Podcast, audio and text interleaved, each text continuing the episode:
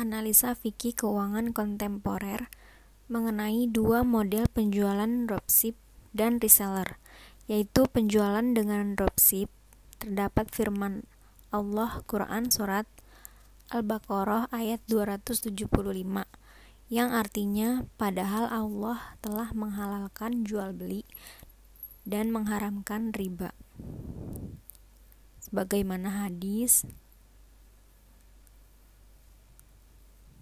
dari Rifa'ah bin Rafiq Nabi Wasallam ditanya tentang usaha yang baik. Nabi menjawab perbuatan seseorang dengan tangannya dan semua jual beli yang baik. Hadis riwayat Al-Bazar dan Hakim.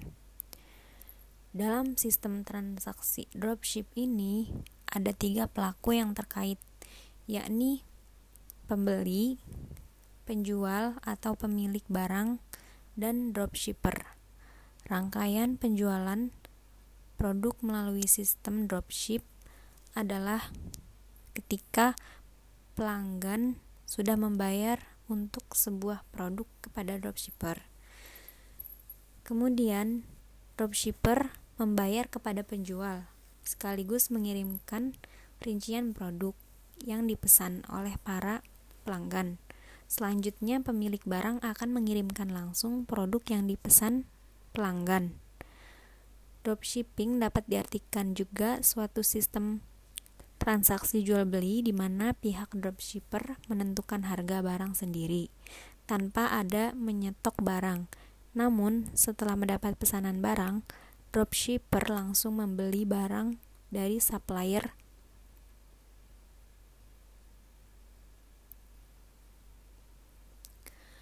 akad fikihnya yaitu murabahah, salam, istisna, ijarah, dan musyarakah. Fatwa Dewan Syariah Nasional Majelis Ulama Indonesia nomor 4 tahun 2000 tentang murabahah. Kemudian selanjutnya penjualan dengan reseller.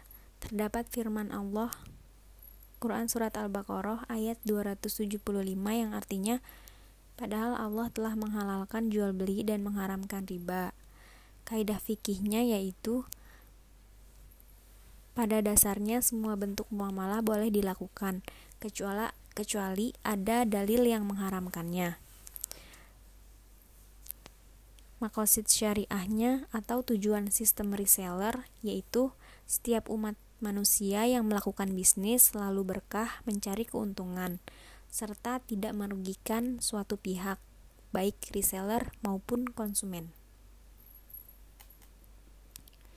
Reseller tidak mendapat upah dari produsen secara langsung, melainkan mereka mendapat upah melalui harga khusus yang diterapkan untuk reseller, sehingga reseller akan mendapat upah dari harga yang kurang dari harga yang dipasarkan produsen.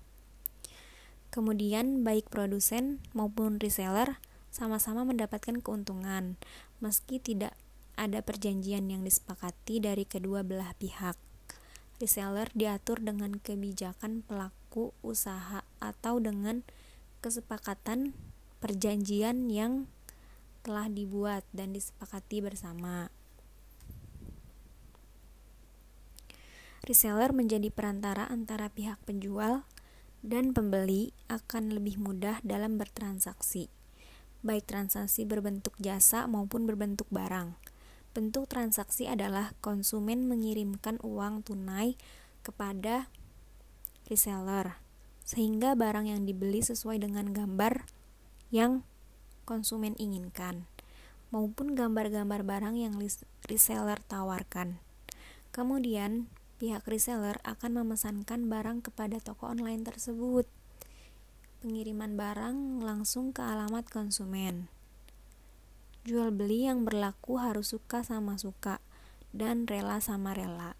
Tidak boleh adanya riba maupun goror dalam bertransaksi.